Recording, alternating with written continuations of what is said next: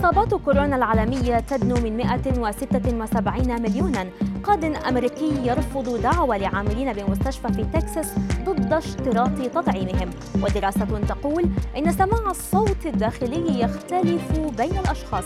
أبرز أخبار الساعات الأربع والعشرين الماضية في دقيقتين على العربية بودكاست.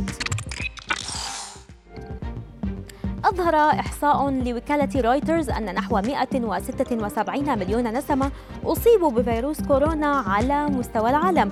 في حين وصل إجمالي عدد الوفيات الناتجة عن الفيروس إلى نحو 4 ملايين وتم تسجيل إصابات بالفيروس في أكثر من 210 دول وتصدرت الولايات المتحدة قائمة الدول العشر الأكبر من حيث عدد الإصابات.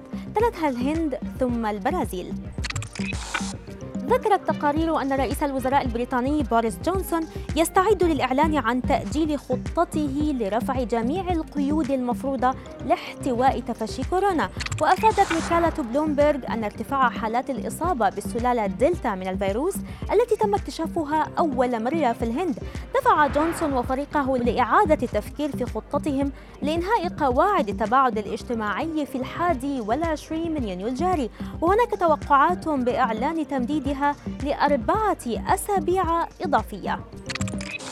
رفض قاد اتحادي أمريكي دعوى قضائية أقامها عشرات العاملين بأحد مستشفيات ولاية تكساس بسبب اشتراط المستشفى أن يتم تطعيمهم ضد كورونا.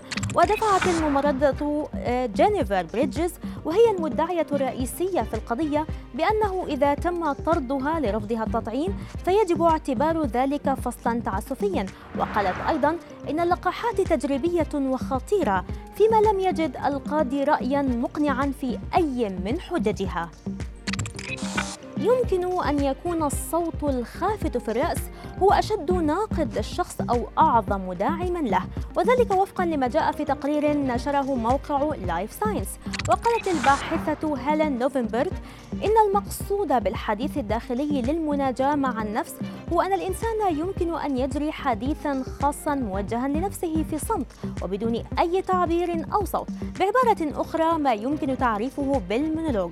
وأظهرت الأبحاث أن الأطفال الذين تتراوح أعمارهم بين خمس وسبع سنوات يمكنهم استخدام الصوت الداخلي أو حديث المناجاة مع النفس بصمت.